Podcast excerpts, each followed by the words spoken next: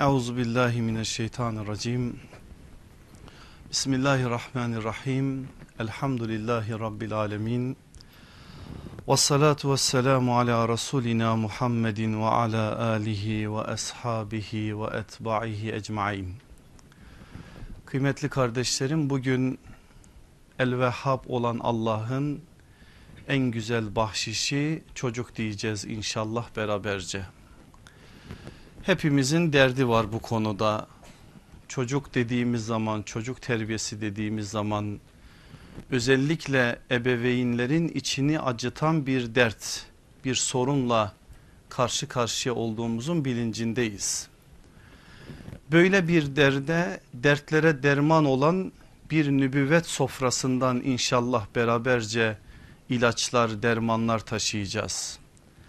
Allah Resulü aleyhissalatü vesselam alemlere rahmet olarak gönderilmiş ya usfetun hasene olarak da belirlenmiş ya kıyamete kadar gelecek olan bütün Müslümanların dertlerinin dermanını da Allah onun hayatında tabir caiz ise kodlamış.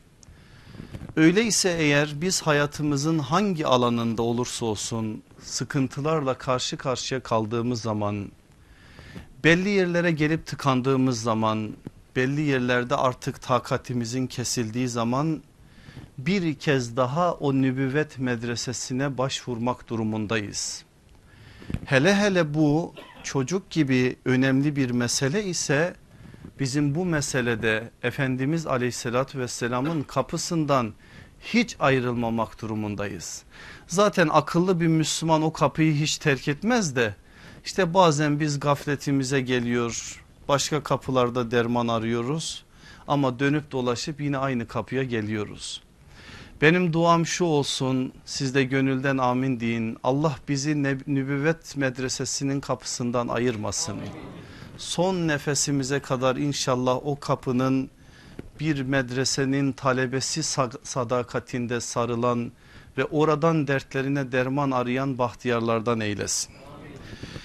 Serlevha bilmem dikkatinizi çekti mi? El-Vehhab olan Allah'ın bahşişi. Aslında güzel bir ifade ama bana ait değil. Bizzat ben Kur'an ve sünnetten mülhem olarak bu serlevhayı çıkardım. El-Vehhab Esmaül Hüsna içerisinde Rabbimizin o güzel isimlerinden bir isimdir. Kur'an içerisinde üç kez geçer. Ali İmran suresinin 8. ayetinde ki biliyorsunuz bir duadır o. Sad suresinin 9. ve 35. ayetlerinde üç kez El-Vehhab şeklinde geçer. Bu da zaten Esmaül Hüsna içerisinde en fazla kullanılan kalıplardan olan faal vezninde kullanılan mübalağa ile ismi faildir. Bilenler bilir bunun ne demek olduğunu. El-Vehhab'ın anlamı şu aslında hiçbir karşılık beklemek sizin kullarına işte faal vezni orada ortaya çıkıyor. Bol bol ihsanda bulunan hibe eden bahşeden demek. Hibeyi biz de kullanıyoruz biliyorsunuz Türkçe'de ben buradan yola çıkarak o bahşiş kelimesini aldım. Çok da hoşuma gitti bilmiyorum isabet kaydettim mi? Çünkü insan bir iş yapar karşılığını alır bir de bir bahşiş alırsa eğer biraz da muhtaçsa o paraya biraz daha farklı bir muamelesi olur sevinir. Aynen böyledir hibe bahşedilme bir yönüyle bahşiş meselesi gibi bahşiş gibi insanı sevindiren bir hal olur. Üç tane El-Vehhab ismi geçmiş olmasına rağmen Kur'an'da bu köke ait yani vehebe köküne ait 22 tane kullanım görürüz. Dikkat buyurun bu 22 kullanımın 12 tanesi çocukla alakalıdır. Yani Kur'an'da bir peygamber Allah'tan mesela çocuk istiyor vehebe köküne ait bir kelime kullanıyor çocuğun değer ve kıymeti ifade ediliyor. Vehebe köküne ait bir kelime ile ifade ediliyor. Geçen ders son ayetleri okuduk burada hatırlayın o ayetleri Şura suresinde ayetlerini 49 ve 50. ayetler orada da yine aynı köke ait kelimeler kullanılıyor. Bakın hadislere aleyhissalatü vesselam efendimizin kutlu beyanlarına aynı şeyi görürsünüz.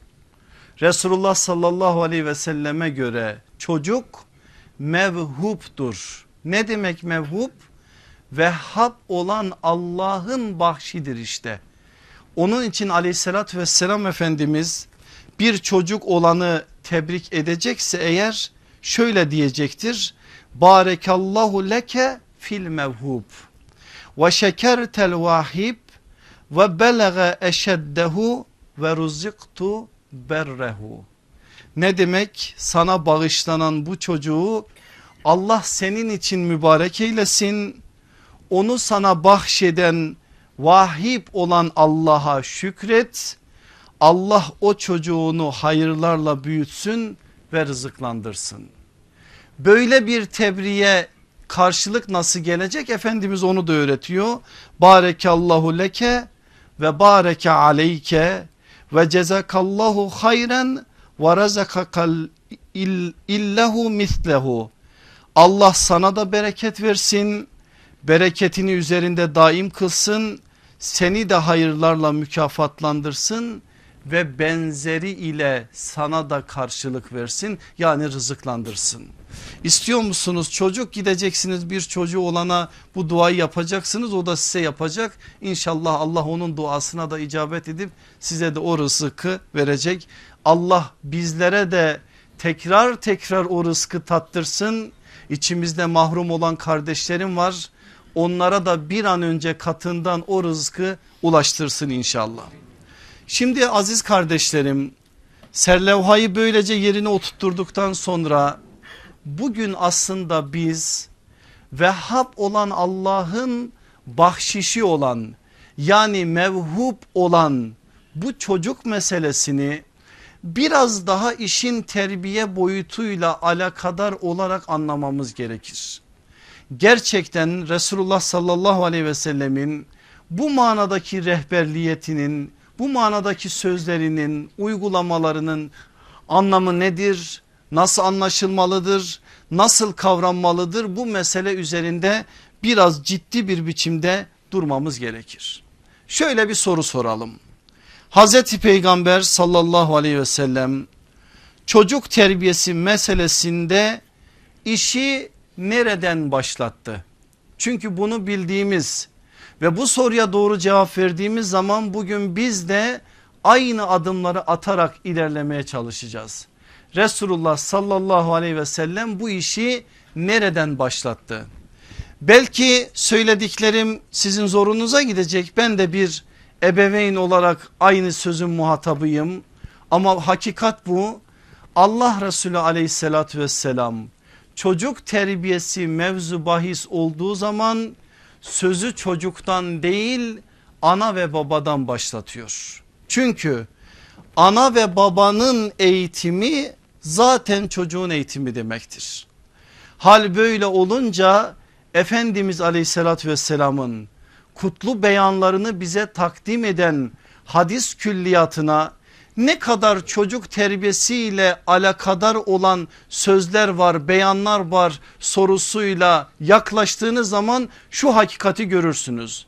Hayatın birçok alanındaki uygulamaları ve sözleri Efendimizin oldukça fazla iken çocuk terbiyesi meselesindeki sözleri ve uygulamaları diğerine nazaran biraz daha azdır. Az değildir. Diğerlerine nazaran biraz daha azdır. Neden? Çünkü Efendimiz işin nereden başlayıp nereden bittiğini çok iyi bilen birisi olarak anne ve babaların terbiye edilmesinin çocukların terbiye edilmesi olduğu olarak gördüğü için sözü artık zayi etmiyor. Meseleyi asıl olması gereken yerden başlatarak devam ettiriyor. Mesela Efendimiz aleyhissalatü vesselamın şöyle bir adımı olmamıştır. Miladi 610'da Mekke'de vahye muhatap olunca Mekke şirk toplumu bunlardan da adam çıkmaz bunlarla uğraşmaya gelmez deyip toplumdan yüz çevirip Kabe'nin avlusunda bir ders halkası oluşturup oraya da Ali gibi yaşı 10 ve altında olan çocukları seçip onlarla ilgileneyim onlar bir dönem büyüsünler büyüdükten sonra zaten iş hallolur gibi bir yaklaşımla adımlar atmadı. Neden? Efendimiz de diğer bütün peygamberler gibi bir hakikati çok iyi biliyordu. Toplumsal değişim ve dönüşüm ancak yetişkinlerin eğitimiyle olur. Önce bir zümre toplumun içerisinde yetişkinlerden seçilecek eğitilecek onlar temsiliyet makamını doğru bir biçimde ortaya koyacaklar. Temsiliyet makamının hakkı verildikten sonra onların eliyle çocuklar yetişecek. Çocuklar yetişecek, büyüyecek, onlar toplumu dönüştürecek bu hikaye. Önce bir zümre yetişkinlerden olacak. Onlar örnek olacaklar. Hani Kur'an'ın ifade ettiği gibi hayra çağıran, iyiliği emreden bir zümre olacaklar. O model ve nüve teşkilat mı diyelim, cemaat mı diyelim, cemaat daha güzel. O nüve cemaat diğer bütün insanlığa örnek olacak. Bütün peygamberler bunu yaptı. Sallallahu aleyhi ve sellem de bunu yaptı. Böyle olduğu için önce yetişkinlerle başladı Efendimiz. Sonra süreç içerisinde vahiy döneminde çocukların terbiyesini de bu işin içerisine devam dahil etti. Peki burada bir soru daha soralım. Aleyhissalatü vesselam Efendimiz özel olarak çocuk eğitimi meselesinde bu işi ne zaman başlattı? Çocuk kaç yaşına erdiğinden itibaren bu manada ebeveyne sorumluluklar yükledi? Bu soruyu sorduğunuz zaman da çok önemli bir noktaya geliyorsunuz. Aleyhissalatü vesselam Efendimiz meseleyi yetişkinler eğitimi olarak ele aldığı için zaten o yetişkinler belli bir kıvama gelmiştir. Helal haram sınırlarını çok iyi biliyorlardır. Sorumluluklarının farkındadırlar. İki tane sorumluluğunun farkında olan insanlar hayatlarını birleştirirler. Hayatlarını birleştirdikten sonra da o aile hukukunu gözeterek devam ettirdikleri için çocukları olsun ya da olmasın aslında o hanenin eğitimi başlamış olur. Ama özel olarak Efendimiz aleyhissalatü vesselamın çocuk ana rahmine düştüğü andan itibaren eğitim meselesini gündeme getirdiğini görüyoruz. Hamilelik zor bir süreç maddi olarak da manevi olarak da. Maddi olarak da bazı tedbirler almak gerekiyor manevi olarak da. Çünkü kadının özellikle zafiyet gösterdiği bir zaman dilimidir o zaman dilimi. Ne söylüyor Efendimiz sallallahu aleyhi ve sellem? Ben söylediklerini bir formüle edeyim de zihinlerde iyice kalsın. Hamile bir kadın ne yapmalı konusuna cevap olabilecek beş tane şey emanet ediyorum size. Bir farzların ikamesi, iki nafilelerin ihyası, üç azaların muhafazası, dört ruhun imarı, beş duyguların ıslahı. Bakın biz ihmal ettiğimiz için iş işten geçiyor. Çocuk gelmiş 5 yaşına 10 yaşına 15 yaşına biz halen yeni başlamışız meseleye. Birçok şeyi kaçırdığımız için de belli şeyler tabir caiz ise eğer dikiş tutmuyor. Ama Efendimiz aleyhissalatü vesselam işi en bidayetine irca ettiriyor. Ana rahmine düştü onun öncesi de var helal lokmayla haram helal çerçevesinde bazı şeylere riayet ederek işte düğündür ne olacak bir günden bir şey çıkmaz canım deyip o konuda harama bulaşacak bir hayat kurmadan o meseleleri konuşacağız zaten ilerleyen derslerde. Bunların hepsine riayet ederek bir evlilik müessesesi kuruldu. Vehhab olan Allah da mevhub olarak o çocuğu bahşetti ana rahmine. O andan itibaren de bunlar başladı. Bir daha tekrar edelim. Bir farzların ikamesi. Ne olursa olsun bu konuda büyük bir titizlik. Özellikle o zor dönemlerde öyle olmalı ki ananın karnındaki o canlı o büyük bir ünsiyet kuruyor anneyle o, o günlerde. O günlerden itibaren başlasın o süreç. İki nafilelerin ihyası. Varsa öncesinde onun devamı eğer yoksa da o süreçte daha fazlalaştırılması. Üçüncüsü azaların muhafazası dil, kulak, göz, el neyse onların hepsine muhafaza olabilecek tedbirler alınması. Dördüncüsü ruhun imarı o neyle olur? Allah'ın hakikatini işitmekle olur. Şu anda biz mesela ruhumuzu imar ediyoruz inşallah beraberce. Sohbet ruhun imarıdır o dönemde de bunların fazlalaştırılması yani o o hal olduğu zaman hayattan bağı koparıp sadece eve tıkanıp sadece televizyonla hayat geçirecek bir şey tavsiye edilmiyor. Tavsiye edilen bu ruhun imarı meselesinde de o yavrunun daha o andan itibaren inşa olmasına sebep olacak adımların atılması. Beşincisi de duyguların ıslahı. Peki bu konuda erkeklere bir sorumluluk düşmüyor mu? Bu hanımların işleri hayır erkeklere de düşüyor. Ama burada en önemli konum kadının konumudur. Erkek de bu işlerin yapılabilmesi için eşine bir ölçüde yardımcı olmalıdır. Bir ölçüde onun elini tutmalıdır. Bazen ona bu konuda teşvikte bulunmalıdır. Eğer evde varsa cemaatle namazlar hamilelik döneminde bu biraz daha arttırılmalıdır. Kur'an okunuyorsa eğer ki eğer fazla okunması gerekir bir Müslümanın evinde ama halimizi siz benden daha iyi biliyorsunuz. Ama bu dönemde daha fazla arttırılmalıdır. Ve bu dönemde koca hanımına bir şekliyle ruhunu imar edecek imkanlar da açmalıdır. Mesela almalıdır hanımını çıkarıp biraz dolaştırmalıdır hamilelikte bu tarz şeyler maddi anlamda da önemli etkendir.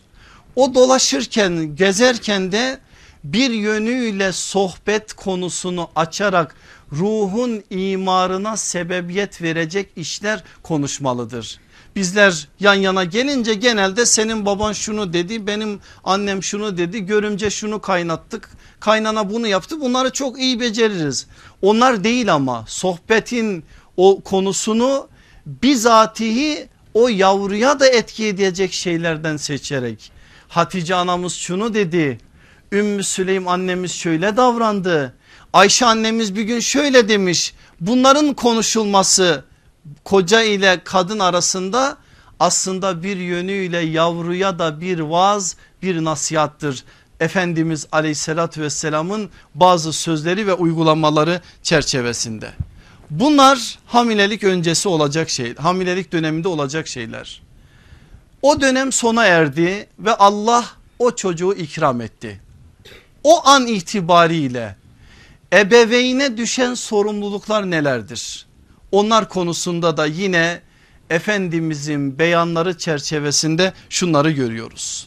Bir tahnik, iki ezan ve kamet, üç isimlendirme, dört akika, beş salihlerden dua. Altın aslında altıncı bir madde de eklenmeli buna ama biz örfi olarak onu eklemedik. Nedir o? Erkekse eğer doğan çocuk onun sünnet edilmesi. Araplarda o erken dönemdedir bizde biraz geçtir.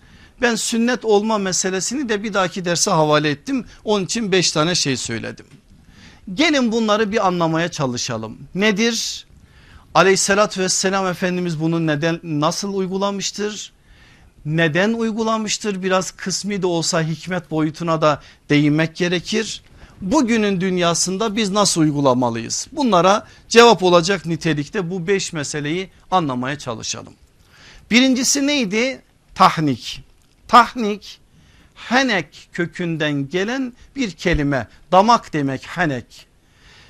Terim manası da ağızda yumuşatılıp yeni doğan bebeğin ağzına hurma sürülmesi ya da tatlı cinsten bir şey sürülmesidir. Bazılarına göre sünnet değil bu bazılarına göre bu Arap geleneği. Biraz sonra akikayı da anlatacağım size o akika da Arap geleneği. Bazılarına göre saçın kesilmesi falan da Arap geleneği o bazılarıyla bizim işimiz yok. Biz Abdullah İbni Ömer adımlarını izliyoruz inşallah beraberce. Resulullah yapmış mı yapmamış mı? Bizim için önemli olan bu. Allah Resulü aleyhissalatü vesselamın da hayatında bunların uygulandığını görüyoruz. Böyle olduğu için de sünnetin ihyası adına da bizim de diriltme noktasında hassasiyet içerisinde olmamız gerekir. Sallallahu aleyhi ve sellem bu geleneği tahnik geleneğini sürekli uygulamış. Ben bugün hızlı biraz taradım belki biraz daha detaylı taransaydı farklı bir tablo çıkardı iş, iş, işin içine. 15 tane bebeğe Resulullah bizzat kendi elleriyle yapıyor. Sahabenin yaptıkları başka. Efendimizden sonra sahabenin yaptıkları da başka. Bilmiyoruz başka da var mı ama hatıraları olan hadis kitaplarımızda aktarılan bir şekliyle Efendimiz o gün o onu yaparken de bazı sözler söylemiş bazı sözler bize emanet etmiş o tarz hatıraların da olduğu 15 isim o 15 ismi size bir aktarayım. Hazreti Hasan, Hazreti Hüseyin ve onların kardeşi olan Hazreti Zeynep. Özel bir gecenin bebeği olan Abdullah İbni Ebi Talha size anlatmıştım o ismi. Ümmü Süleym annemizle Ebu Talha'dan olan Abdullah onun hatırası biraz farklı olduğu için o da özel bir gecenin bebeği olarak Resulullah sallallahu aleyhi ve sellemin tahnik yaptığı isimlerden birisi. Ebu Musa el-Eşari'nin oğlu İbrahim, Münzir bin Ebu Ubeyd, Useyd affedersiniz, tercümanul Kur'an olan Abdullah İbni Abbas, Abdullah İbni Zübeyir onun altını çizin. Şimdi ona döneceğiz tekrardan. Sinan İbni Ebi Seleme el Huzeli, Abdullah İbni Haris, Haris İbni Amr, Abdullah İbni Haris İbni Nevfel, Zeyd İbni Hattab'ın oğlu Abdurrahman. Yani Hazreti Ömer'in yeğeni Abdurrahman İbni Zeyd, Muhammed İbni Nübeyt, Yahya İbni Hallat Ez-Züraki ve hayatı bambaşka bir hayat olan vahiy döneminin çocuklarından birisi olan Numan İbni Beşir. Bu 15 isme sallallahu aleyhi ve sellem Efendimiz bizzat kendi elleriyle tahnik yapıyor. Nasıl yapıyor nasıl uyguluyor? Örneği ben size Abdullah İbni Zübeyir'in üzerinden vereyim. Çünkü o da özel bir çocuktur. Özel olduğu için Efendimizin dünyasında onun farklı bir yeri olmuştur. Özellikle doğum anında sahabe içinde aynen öyledir. O hadiseyi hatırlayarak meseleyi anlayalım. Hicretin nazlı gelini onun annesi. Yani annesi kim? Esma binti Ebu Bekir. Babası kim? Resulullah'ın havarisi Zübeyir bin Avvam. Esma anamız 26-27 yaşına kadar evlenmiyor. O da ayrı bir meseledir. Bugünler için belki bu yaş bir kız için az sayılabilir ama Mekke toplumu için 26-27 yaşında bir kızın evlenmeden beklemesi çok azdır. Onun da özel bir nedeni var. Özel nedeni de İslam uğruna o ailenin çektiği sıkıntılardır. Sanmayın ki sıkıntılar sadece maddi boyutluydu. Bir de öyle bir ambargo vardı. Yani Müslümanlardan kız alınmasın, onlara kız verilmesin. Hazreti Ebu Bekir de Resulullah'ın en yakın arkadaşı olduğu için Esma anamız da o sıkıntıyı çeken birisiydi. Ama sonra Resulullah'ın da teşvikiyle Zübeyir bin Avvam'la evlenecekler. Evlenecekler birkaç ay sonra Vehhab olan Allah mevhub onlara verecek ve o günler hicret günleri olacak. Esma anamız 7 aylık hamile iken babası Ebu Bekir ve Resulullah Sevir mağarasında oldukları zaman Esma annemiz oraya üç defa azık taşıyacak. Sevre girip gidip ziyaret edenler bu sözümün ağırlığının ne demek olduğunu anlayacaklar. 759 metre şu an bile çıktığımız zaman iflahımız kesiliyor. Üç gün üst üste çıkacak anamız ve giderken azık götürecek onlara. Azık için bir ip arayacak bir kumaş parçası arayacak. İş çok acildir beklemeye gelmez Mekkeliler takip ediyor. O anda belindeki kuşağı çözecek o azıkları bağlayacak birbirlerine omzuna atarak Sevr'in dağına, Sevir mağarasına doğru çıkacak.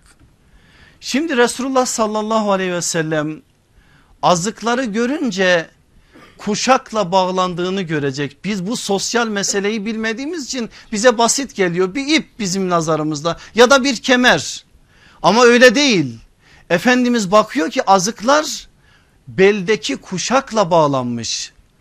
O gün Mekke'de bir kadının kuşağını çözmesi ne anlama geliyor biliyor musunuz? İffetsizlik demek. Bunu da göze alarak Esma anamız orada bekleyenler var ve bu azık gitmesi lazım onlara. Onun için çözmüştür kuşağını ve onu bağlayarak sevre götürmüştür. Resulullah onu görür görmez Esma diyecek bu senin kuşağın değil mi? Evet ya Resulallah bulamadım ip böyle davrandım. Allah feda ettiğin o kuşağa karşılık sana cennette iki kuşak verecek. İşte Esma zatun nitakayn olarak tarihe geçme hadisesi bunun üzerinedir. Yıllar sonra Abdullah İbni Zübeyir hadiseyi anlattığı zaman ben iki kuşaklı kadının oğluyum diyerek kendini aleme tanıtacak.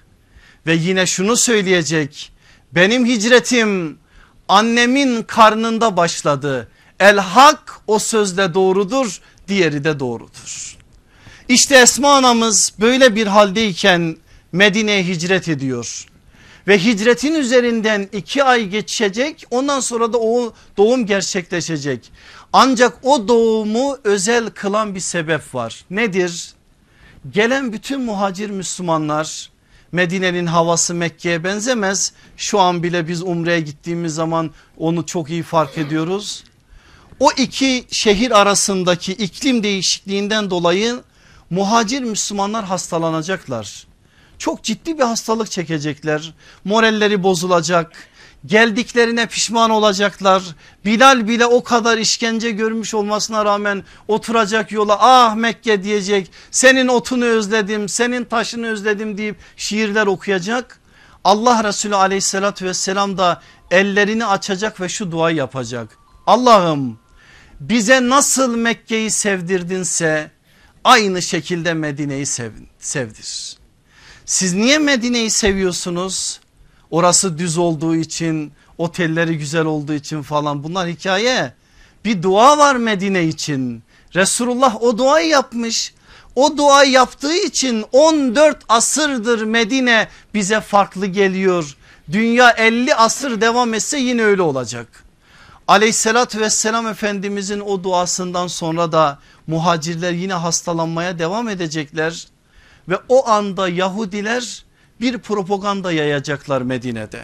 Ne diyecekler biliyor musunuz? Diyecekler ki Mekke'den gelenlerin hepsi hastalanacaklar ve çocukları olmayacak. Ya da çocukları sakat doğacak. Biz onlara sihir yaptık. O sihirimiz tutacak.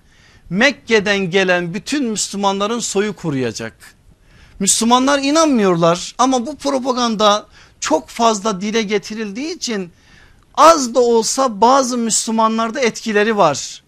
Aleyhissalatü vesselam Efendimiz de bu etkiyi fark ediyor. Onun için kulağı Esma'nın evinde o çocuk bir doğsun da bu propagandanın etkisi de tamamen kırılsın. Onun için doğuma yakın bir zamanda Resulullah ellerini açacak ve şöyle dua edecek. Allah'ım doğacak o çocuğu bizim için sevinç vesilesi eyle. Ve aradan bir müddet geçecek Abdullah doğacak. Daha ismi Abdullah değil bebek doğacak. Hemen kundağa sarılacak Efendimiz'e doğru getirilecek. O getirilirken de Medine tekbirlerle inleyecek. Neden? E, sevinç vesilesi oldu nur topu gibi bir çocuk oldu. Yahudilerin yalanı ortaya çıktı. Hiçbir sıkıntı yok. Çocuk sağlam, sağlıklı. O haber Medine'de Müslümanlar arasında yayılınca Yahudilerin morali bozulacak ama Müslümanlar sevinecekler. Allah Resulü aleyhissalatü vesselamın huzuruna getirilecek. Ne yapacak Efendimiz? Tahnik nasıl yapılıyor şimdi görüyoruz. Efendimiz bir yaş hurmayı alacak, ikiye ayıracak o bir parçasını ağzında çiğneyecek biraz yumuş, yumuşatacak o parçayı o ağzıyla ezdiği yumuşattığı parçayı önce çocuğun dudaklarına sürecek sonra da şöyle damağına doğru hafifçe koyacak çocuğun bir iki tane emmesini sağlayacak. Bu bu kadar. Abdullah İbni Zübeyir'e de aynısını yapınca Abdullah da emince Efendimiz de sevinecek bakın bakın ne güzel emmiyor ne güzel emmiyor diye memnuniyetini orada söyleyecek. Sonra Abdullah İbni Zübeyir'e ismini verecek Efendimiz. Soracak oradaki sahabiler ya Resulallah ne koyacaksın bebeğe isim? İsmi belli diyecek. İsmi dedesinin ismi künyesi dedesinin künyesi. Kim dedesi? Hazreti Ebu Bekir. Hazreti Ebu Bekir'in asıl ismi Abdullah. Efendimiz de Abdullah İbni Zübeyir'e Abdullah ismini verecek. Künyesi de dedesinin künyesi Ebu Bekir olacak. O çocuk sevinç vesilesi olunca Allah Resulü aleyhissalatü vesselam bir şekliyle bu işin uygulamasını da bize göstermiş olacak. İnşallah Cenab-ı Hak içlerinizde bundan sonra bu sünneti yapmamış olanlara çocuklar ihsan ettiği zaman bu sünneti dirilteceğiz ve bunu yaparak Resulullah'ın bu konuda bize gösterdiği bu örneği de hayatlarımıza taşıyacağız. Peki kim yapacak bunu? Bir hocaya yaptırma zorunluluğu var mı? Hayır. Bunu evin insanları da yapabilir. Ama salih gördüğünüz bir zata yaptırmanız inşallah fiili bir duadır. İlle de tahnik hurma ile mi olmalıdır? Hayır. Tatlı olmalı tatlı cinsinden bir şey olmalı ama hurma olması Resulullah'ın da yaptığıdır. Yapılmadığı zaman bir sorumluluğu var mı? Hayır. Bu bir müstehaptır. Yapıldığı zaman sevaba konu olur. Yapılmadığı zaman herhangi bir günahı yoktur. Fıkhi anlamda da birkaç şeyi size söylemiş oldum. İkinci şeye gelin o neydi? Ezan ve kamet. Bakın adlarını andığım bu 15 isimden bazılarına Resulullah ezan ve kamet okumuş bazılarını okumamış. Kime okumamış? Ezan ve kamet daha teşri olarak Müslümanların gündemine girmemiş isimlere okumamış. Özellikle Medine'de ezan Müslümanların gündemine girdikten sonra doğan çocuklara okumuş. Ve bu konuda da elimizdeki ilk rivayet Resulullah sallallahu aleyhi ve sellemin ilk torunu olan Hazreti Hasan'dır. Bilmiyoruz ondan önce okumuş mudur birilerine ama hadis kaynaklarımızda ilk rivayet odur bize aktarılan. O doğumu da bir hatırlayalım. Hatırlayalım ki mesele daha iyi anlaşılsın. Allah Resulü aleyhissalatü vesselam Bedir'in arkasından Hazreti Fatma ile Hazreti Ali evlendiriyor. Evliliğin üzerinden birkaç ay geçmeden Fatma anamız hamile kalıyor.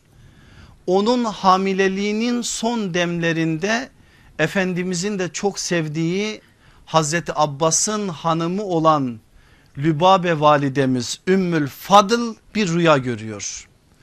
Rüyanın dehşetiyle uyanıyor ve hemen Efendimizin huzuruna koşuyor. Ya Resulallah diyor öyle bir rüya gördüm ki halen o rüyanın tesiri altındayım. Bunu söylerken Ümmül Fadıl bir taraftan da ağlıyor. Efendimiz onu teskin ediyor. Dur diyor Allah hayra çevirsin. Allah hayrı nasip etsin. Hele anlat bakalım neyin nesidir gördüğün şey? Başlıyor anlatmaya. Ya Resulallah diyor rüyamda gördüm ki senin bedeninden bir parça koptu geldi benim, benim evimin ortasına düştü. Ben de dehşetle uyandım diyor. O bunu anlatırken Allah Resulü aleyhissalatü vesselam tebessüm ediyor. Zaten rüya başka bir ilim farklı bir tabir noktasında özellik isteyen kabiliyet isteyen biridir. Onun için ehil olmayanlara anlatmamak gerekir. Rüyayı ele ayağa düşürmemek gerekir. Bu konuda bazı şeyleri saklamak gerekir. Bu da işin ayrı bir ahlakıdır. Orada Resulullah sallallahu aleyhi ve sellem şöyle bir tabirde bulunur. Ümmül Fadıl der sevin yakında Fatma'nın bir oğlu olacak ve sen onu doğurduğun kusemle beraber emzireceksin benim oğluma süt annesi olacaksın. Allah Resulü aleyhissalatü vesselamın o rüyaya tabiri böyle oluyor. Efendimiz aleyhissalatü vesselamın dediği gibi gerçekten 15 Ramazan'da hicretin 3. yılında Allah o eve bir erkek çocuk nasip ediyor. O günler Resulullah kaç yaşında? 56 yaşında. Mescid-i Nebevi'de Fatma anamız da Medine'nin içlerinde oturuyor. Daha gelmemiş Mescid-i Nebevi'nin yakınlarına. İleride o da oraya taşınacak. Haber geliyor ki Fatma anamız doğum yapmış. 56 yaşında Efendimiz bir kalkıyor ayağa. Öyle bir koşa koşa coşkuyla o eve doğru koşuyor ki sahabe yetişemiyor. Yordun bizi ya Resulallah diyor. Sana yetişemiyoruz diyor. Efendimiz o sevinçle Fatma'nın evine giriyor. Esma binti Ümeys farklı bir İslam kadınıdır biliyorsunuz. Cafer bin Ebi Tayyar'ın hanımı. Cafer bin Tayyar'ın Caferi Tayyar'ın hanımı bin yok orada. Cafer bin Ebi Talip diyelim. Sarı bir bezin içerisinde o yavruyu Efendimiz'e doğru getiriyor. Allah Resulü aleyhissalatü vesselam diyor ki Esma diyor başka bir renk bulamadın mı? Benim oğlumu sarıya sarmışsın. Hemen geri götürüyor beyaz bir kundağa sarıp getiriyor. Orada da Efendimiz farklı bir mesaj veriyor. Orada Efendimiz Hazreti Hasan'ı kucağına alınca baba Ali'ye soruyor. Ali diyor ne koyacaksın ismini? Ya Resulallah eğer müsaade edeceksen harp koyacağım. Harp ne demek? Savaş. Tam da Ali'nin tabiatına uygun bir isimdir. Efendimiz diyecek ki Ali hiç böyle güzel bir çocuğa böyle bir isim konur mu? Bu çocuğun ismi benim oğlum diyor Efendimiz orada benim oğlumun ismi Hasan olsun diyor. İtiraz eder mi Hazreti Ali? İsim Hasan olarak konuyor. Resulullah orada Hazreti Hasan'a da tahnik yapıyor. O anda da Efendimiz kucağındayken sağ kulağına ezanı sol kulağına kameti bizzat Resulullah sallallahu aleyhi ve sellem okuyor. Ve o günden sonra biz artık onun Müslümanların gündemine girdiğini görüyoruz. Dedim ya bilmiyoruz öncesinde var mı ama Hazreti Hasan'dan sonra rivayetlerin arttığına şahit oluyoruz. Peki ezan ve kamet okumanın fıkhen hükmü nedir? Menduptur. Ancak mendup olması böyle önemli bir şiarın Müslümanların gündeminden uzaklaştırılması anlamına gelmez. Fıkhi anlamda konumu odur. Dolayısıyla bu bir şiar olarak bütün Müslümanların uygulaması gereken önemli bir sünnet olarak karşımızda durmaktadır. Meselenin bir de hikmet boyutu var ki o da güzel bir boyuttur. İnsanoğlunun ömrü nedir? Ömür bir ezanla başlayan ezansız bir namazla da sona eren bir hayat çizgisidir. Çocuğa okunan o ilk ezan son kılınan namazın ezanıdır aslında. Cenaze namazında biliyorsunuz ezan yok. Orada niye ezan yok? Çünkü önce okunmuş. Bir ezanla başlayıp bir namazla ki cenaze namazda bir duadır aslında. Bir dua ile de nihayete eren bir hayat çizgisidir. Allah o hayat çizgisini bizim de bizim neslimizin de hem nefislerimizin hem nesillerimizin hakkında hayırlara vesile kılsın. İşin neticesinde inşallah bizi perişan olanlardan rezil ve rüsvay olanlardan etmesin. İkinci hükümde bu yani ebeveynin çocuklara karşı vazifesi noktasında ezan ve kamette ikincisi. Üçüncüsü ne? İsimlendirme. Şimdi bu isimlendirme meselesi bugün elim çok gitti geldi sonra vazgeçtim.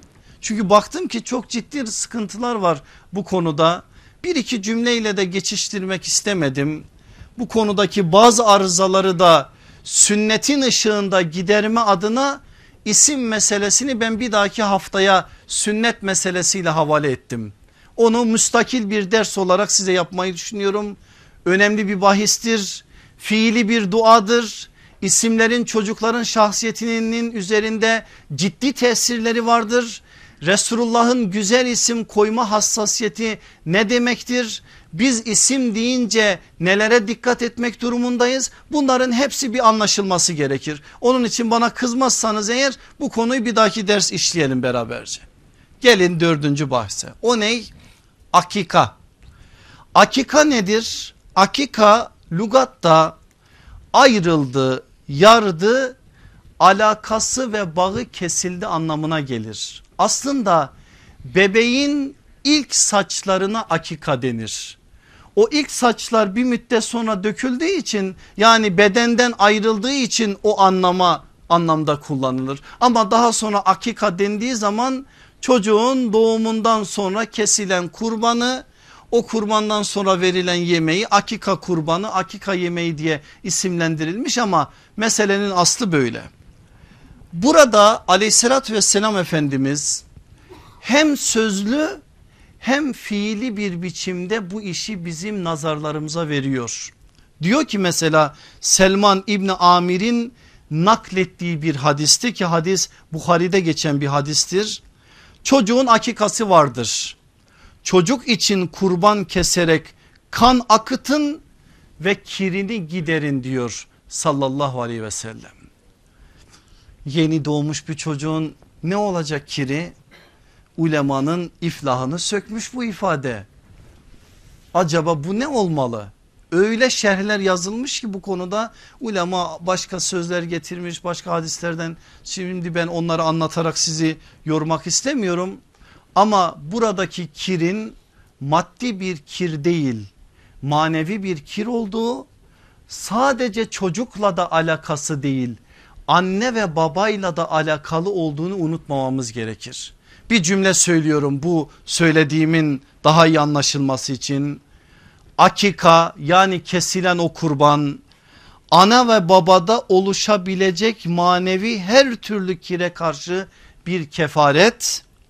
Allah'a karşı bir şükür insanlara karşı ise sevincin bir paylaşımıdır. Bir daha tekrar edeyim mi? Önemli çünkü bu.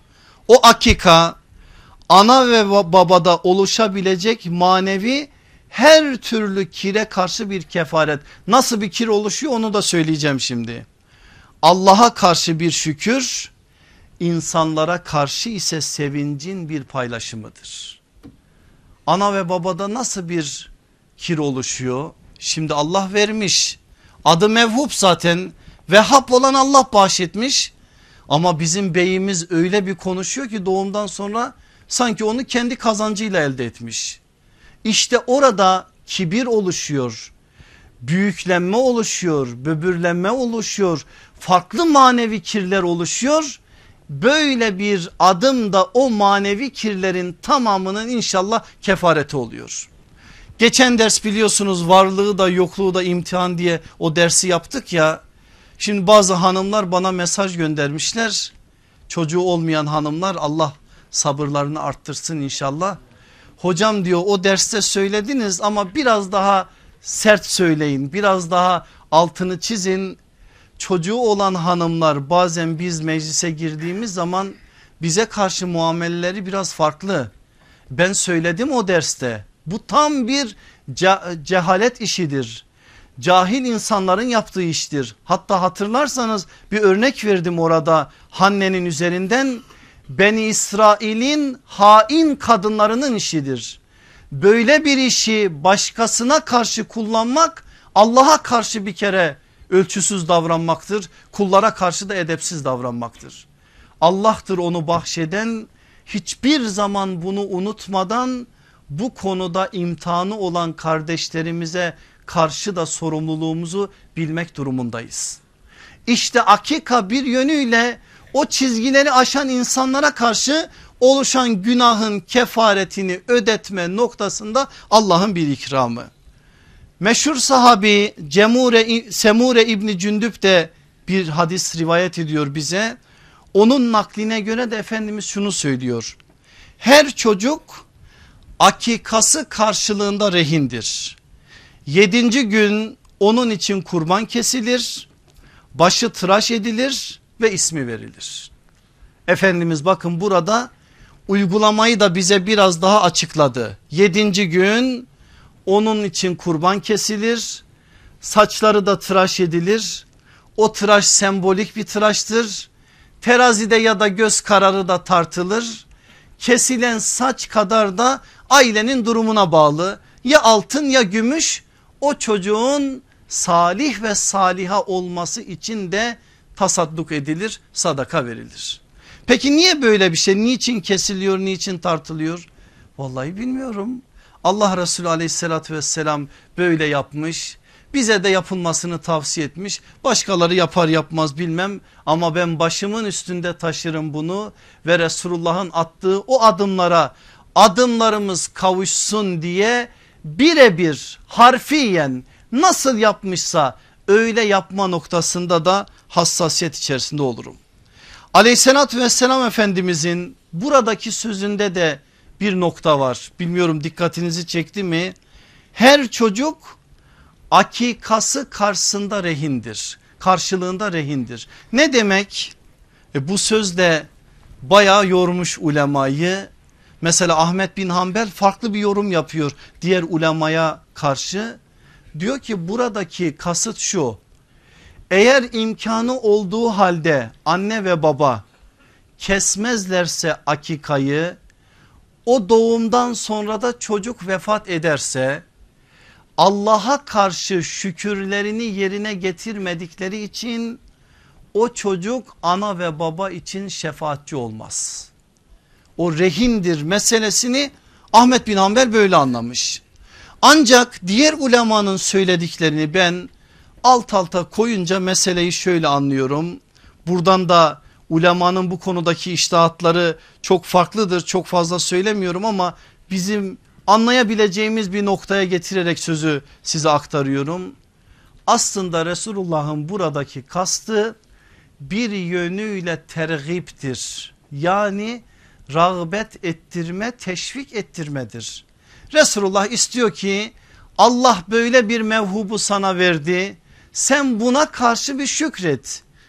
Buna karşı şükür nişanesi olacak bir adım at ki Efendimiz aleyhissalatü vesselamın yaptığına da uygun bir biçimde bir adım olarak en azından bu konuda şükür noktasında da fiili anlamda bir iş yapmış olasın.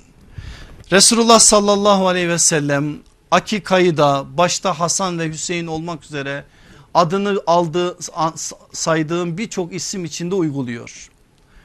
İbni Abbas Hasan ve Hüseyin'in akikasını şöyle anlatıyor bize.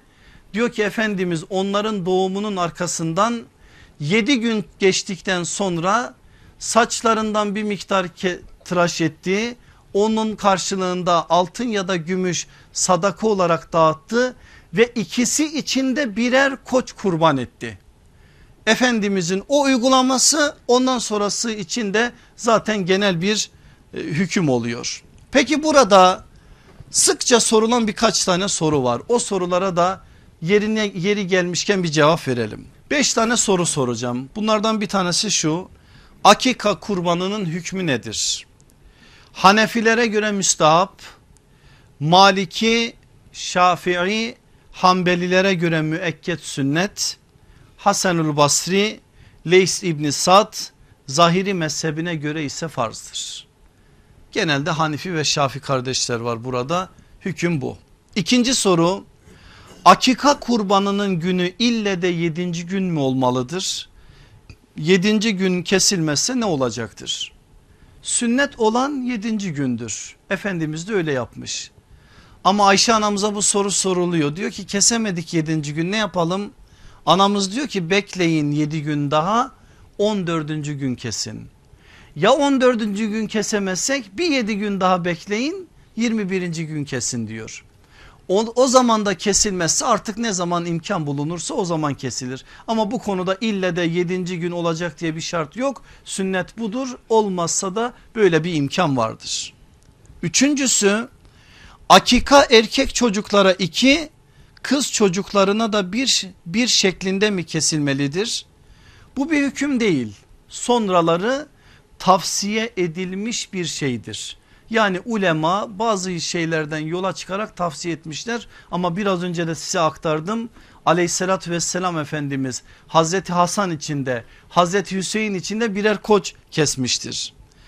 Dördüncü soru akika kurbanından ev halkı yiyebilir mi? Evet yiyebilir. Bu bir şükür kurbanıdır şükür kurbanından ev halkı da nasiplenebilir ama dağıtılması teşvik edilmiştir. İlle de et olarak dağıtmak da gerekmez. aile olarak o sevinci paylaşma, fakir fukaraya bu manada ikram etme gibi bir şeye de girişilebilir. Yemek olarak da yapılabilir bu konuda hiçbir beis yok. Beşinci soru da şu akika kurbanının kemiklerinin kırılmaması gerektiği yönünde bir hüküm var mıdır? Böyle bir hüküm yok. Aynen erkeğe iki tavsiye edilmiş gibi tavsiye edilmiş bir şey var. Ulema bazen böyle tavsiyelerde bulunabilir çeşitli şeylere bağlı olarak. Bu konuda da söylenen şey şudur fazla kemikler doğranmasın eklem yerlerinden kesilsin öylece fakir fukaraya dağıtılsın ve insanlar bu manada istifade etmiş olsunlar. Akika ile alakalı olarak da bu. Gelelim beşincisine o ney? Salihlerden dua. Bu konu da mühim bir konudur. Aleyhissalatü vesselam Efendimizin de bu konuda tavsiyeleri vardır. Müslümanlar olarak müminler olarak hepimiz birbirimize bazen vicahi yüzümüze karşı yüz yüze bazen gıyabi arkadan dua etme sorumluluğumuz var. Eğer sizin dua için ellerinizi kaldırdığınızda şöyle arka arka sayacağınız 10 tane isim yoksa halinizi ağlayın. Bakın ben size bir şey söylüyorum. 10 tane en az daha fazla da olsun ben bazı alimlerin hayatlarını okuyorum.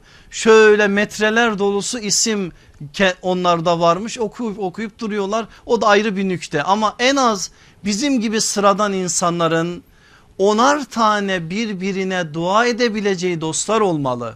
Çünkü gaibin gaibe duası Allah katında icabet gören bir duadır. Arkadan birine yaptığınız dua nedir biliyor musunuz? Günahsız bir lisan ile yaptığınız duadır. Çünkü hiç kimse başka birinin adına günah işleyemez. Başka birinin adına günah işlemediğiniz için başkasına yaptığınız dua Allah'ın izniyle kabul görür. Öyleyse eğer bizim bunu çoğaltmamız gerekir. Bazen de birbirimize dua etmeli yüz yüze dua almalıyız. Mesela belki de insanlık tarihi içerisinde duaya tek ihtiyacı olmayan bir zat söylesek kurban olduğumuz gönüllere safa Hazreti Muhammed Mustafa dememiz lazım sallallahu aleyhi ve sellem. Ama şunu görüyoruz ki Hazreti Ömer bir gün umre yapmak için gelip Resulullah'tan izin istediği zaman şu sözü söyleyecektir. Kardeşçik git beni de duanda an bana da duanda yer ayır. Eğer Resulullah bunu istemişse biz nasıl salihlerin arkasında olmayız duaya almak için? Bu konuda hassas olmalıyız. Hem kendimiz için hem de çocuklarımız için. Peki salih kim? Şimdi salih kim deyince aklımıza şu geliyor. Şöyle güzel giyimli, sakalı yarım metre olan, başında sarı, postu olan, bir tekkede oturan bir zat. Biz hep aklımıza o geliyor. Elbette öyleleri vardır haşa ben küçümsemek için söylemiyorum ama bir hakikati nazarınıza vermek için bir tasvir yapıyorum. Onlar ne kadar salihse şunlar da o kadar salih. Bir insan sabahın erken vaktinde çıkıyor evinden. Amacı evine helal bir lokma getirmek. Gidiyor işiyle uğraşıyor akşama kadar terliyor harama helale dikkat ediyor gayret ediyor. Bu konuda helal bir lokma getiriyor evine çoluk çocuğuna. O adam salih bir adam. Hatırlayın ticaret derslerini. Öyle adamların elini öpmüştü Resulullah sallallahu aleyhi ve sellem Dolayısıyla salih bulmak için dünyayı aramaya taramaya çıkmayın. Salihler sizsiniz ve sizin aralarınızdadır. Böyledir böyle bilin.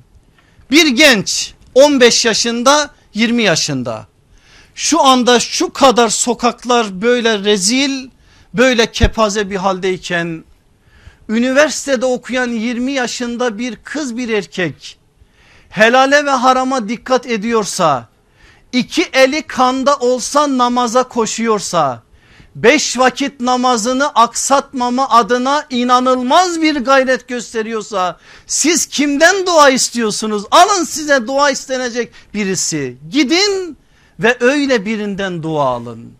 Allah'ın izniyle o salihtir ve salihadır. Öyle birinin yaptığı dua da Allah katında inşallah makbuldür. Bir tane hatıra anlatayım da sözümü bitireyim. Çok sevdiğim bir hocam var biraz da hasta şimdi Allah şifalar versin. 80 yaşlarında falan var hoca. Ben şahit olduğum bir hatıra onu tanıyan bir genç yanına geldi ben de yanındayım. Hocam dedi bana bir dua et. Dedi sen kaç yaşındasın?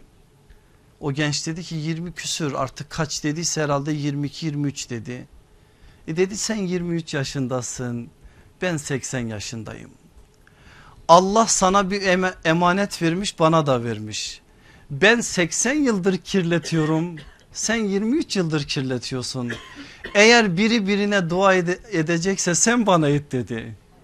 Güzel bir nükteydi ama sonrasında güzel de bir dua etti. Ne olursa olsun derdimiz bu olmalı. Birbirimizden bu manada dua istemeli. Evlatlarımıza da dua ettirmeli. Duasına inandığınız, salih olduğuna güvendiğiniz insanları bu manada evlatlarınız için arkalarında olmalı ve onlara dua almalı ve bu da inşallah çocuklarımızın salih ve salihe olmalarının bir vesilesi olmalı. Allah'ın burada bulunan bütün cemaatin sen nesillerini salih ve salihalardan eyle. Şeytana ve şeytanlaşmış insanlara fırsat verme ya Rabbi. Biz çocuklarımıza sahip çıkamıyoruz sen onlara sahip çık ya Rabbi. Ellerini bırakma ya Rabbi. Onlara namazı sevdir ya Rabbi. Onlara tesettürü sevdir ya Rabbi. Onlara Kur'an'ı sevdir ya Rabbi. Onlara Habibi Edibini sevdir ya Rabbi. Yüreklerine sahabenin aşkını yerleştir ya Rabbi. Ya Rabbel Alemin ve ya Ekremel Ekremin. Sen onlara sahip çıkamazsan biz aciziz sahip çıkamayız. Şu bataklıkta sen onlara rahmet et ya Rabbi. Sen onları Kur'an'ın nuruyla donat ya Rabbi. Bataklıklar içerisinde olanlara da onların ellerini uzattır ya Rabbi. İçimizden nesillerimizden inkarcılar çıkartma ya Rabbi. Fıska günaha saplananları çıkartma ya Rabbi. Sen bizim içimizden içimizden ve nefislerimizden nesillerimizden günah bataklığına düşenlere el uzatacak nesiller yetiştir ya Rabbi. Ve sallallahu ala seyyidina Muhammedin ve ala ali seyyidina Muhammed ve ahire davana enilhamdülillahi rabbil alemin. El Fatiha.